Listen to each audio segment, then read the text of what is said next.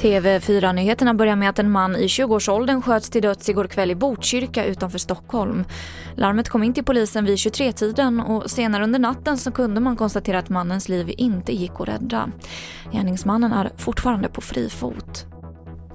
Så till Trelleborg där ett flerfamiljshus skakades av en detonation i natt. Ingen person ska ha behövt uppsöka sjukhus för vård. Och ingen är gripen och det är oklart vilken typ av spränganordning som användes.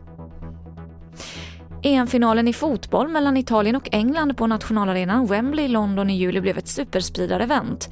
Enligt brittiska medier var omkring 2300 personer av de 67 000 som fanns i publiken högst troligt smittade.